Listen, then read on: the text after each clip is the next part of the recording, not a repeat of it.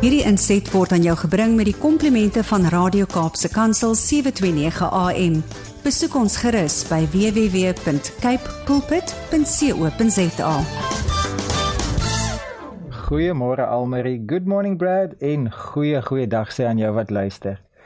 Dit is vir my so groot voorreg om jou ore te mag leen vir die volgende 10 minute. En ons gaan vir die 89ste keer oor bome praat. Vanoggend se tema is Kameeldoring Kibbutz. Kameeldoring Kibbutz.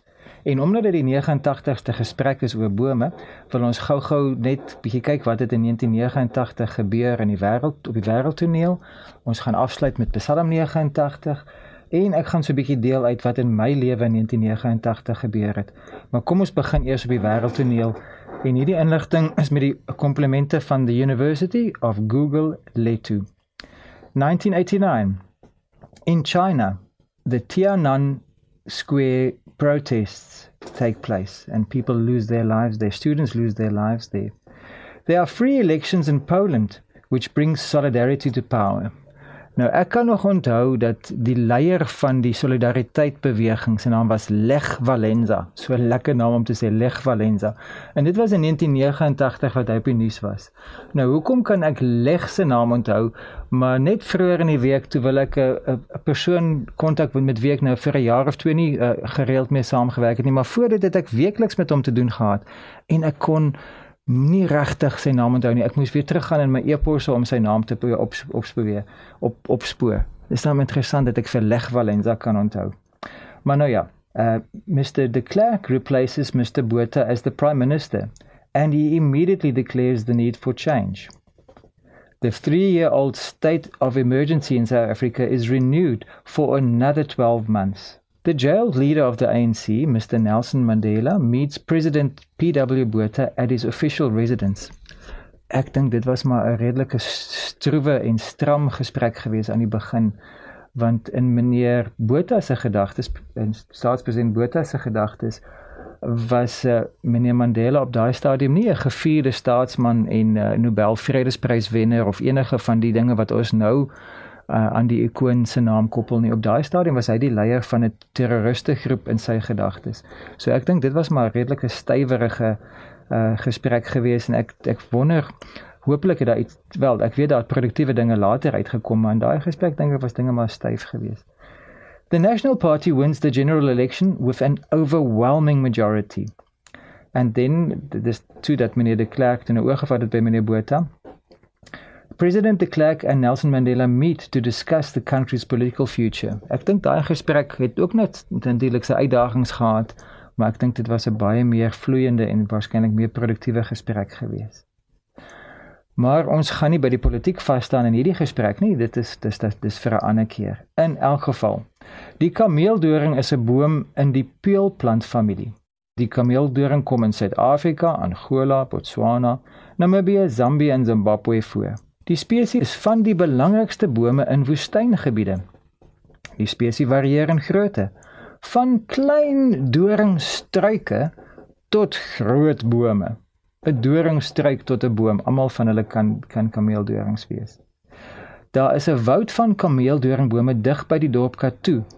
Ek het die voorreg gehad ons gesin was so 'n klompie jaar gelede by baie gawe mense wat vir ons so gasvrou ontvang het vir twee nagte daar in Katu en ons het nogal daai uh, van daai kameeldoringbome gesien by die golfbaan en mens moet net oppas dat jy nie kaalvoet daar rondloop nie. Die Afrikaanse naam kameeldoring verwys na kameelperde wat algemeen aan die hoë blare wat buite die bereik van klein diere is vreet. Nou daar hier gaan ons so 'n bietjie en ons later in ons gesprek so 'n bietjie weer na verwys na dat kameelperde kan bykom daar waar die klein diere nie kan bykom nie. Die kameeldoring is immergroen tot halfblad wisselende boom wat tot 20 meter hoog kan word. Nou die 20 meters is dan nie meer struike nie, hulle is dan bome met 'n wyd gestrekte kroon. Die jong takke is in 'n opvallende sigsag patroon. Sigsag is so mooi Afrikaans vir zigzag. Blomme is goudgeel en soetgeurig. Die hout het 'n baie dun ligkleurige spinthout en 'n donkerrooi breinharde swaar kernhout. Dit groei in droë bosveld langs rivierbeddings waar ondergrondse water beskikbaar is en op sanderige leem en diep Kalahari sand. Mense, voëls en diere hou van die gom wat die boom afskei. En hier dat dit my dink aan een van my vroegste episodes in Boomstraat. Ek dink dit is Boomstraat nommer 3 of 4. Dit is definitief in een van die eerste 10 gesprekke waar ek nog saam met Brad en Almer in die ateljee gesit het en ons het dit genoem Boomgom en Boomgoud. En dis beskikbaar by op die webwerf as jy daarna sou wou luister. Dit is een van my vir my persoonlike baie kosbare gesprek. Die binnebas word afgestroop en afgestamp om sterk tou van te maak. Gebrande en verpoeierde peule word gebruik om ontsteekte ore te behandel. Nou ja, kyk, as dan nie antibiotika of 'n oorspesialis naby is nie, dan kan jy die peule van 'n kameeldoringboom brand. Sorg net dat hulle goed afgekoel is voordat jy hulle in die in die, in die oor insit, anders te gaan daar nog meer oorpyn wees. Die geroosterde saad kan as plaasvervanger vir koffie dien. Nou ja, as jy eh, 'n uh, goedkoop kits koffie drink, dan gaan hierdie dalk 'n upgrade wees, maar wie weet. In elk geval, ons titel is Kameeldoring Kibbutz.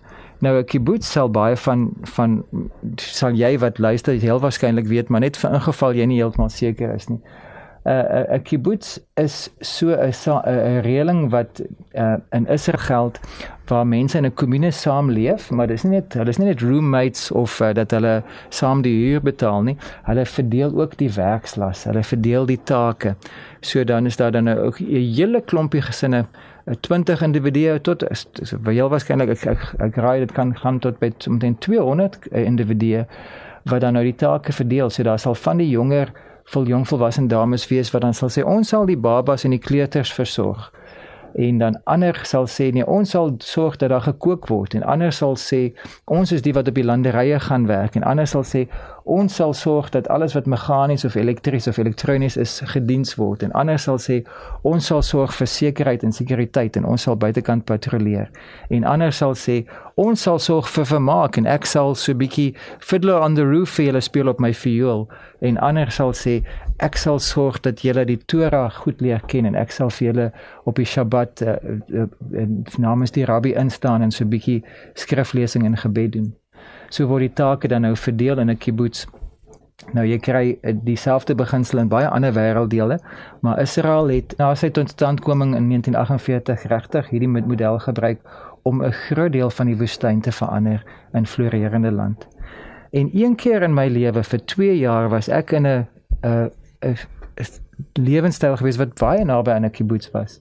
Van my eerste 2 jaar van Bybelskool het ons saam geleef op 'n uh, 'n plot buitekant Pretoria en ons as Bybelskoolstudente het saam skool goed gewas, saam gebid, saam klas geloop en saam ook net uh, lief en leed beleef. Wat 'n voorreg was dit nie gewees nie. Op daai stadium as 'n eerste jaar Bybelskoolstudent het ek gedink dat Pastor Ed Raybert en, en die ander leierfigure, hulle het seker 'n rooi telefoon met wie hulle direk met die Here 'n warm lyn het met, met wie hulle direk aangesig tot aangesig die Here se hoorbare stem kan hoor en daai kameelperde kan bo seker die openbaring skryf uit die uit die doringbome uit. Maar die realiteit is dat die Here wil vir elkeen van sy kinders sê, jy kan my stem hoor. Jy hoef nie Bybelskool toe te gaan nie. Jy hoef nie Grieks en Hebreëus te ken nie. Jy hoef nie 'n 'n godsman of godsvrou te wees in die sin van dat jy jare en jare studeer nie.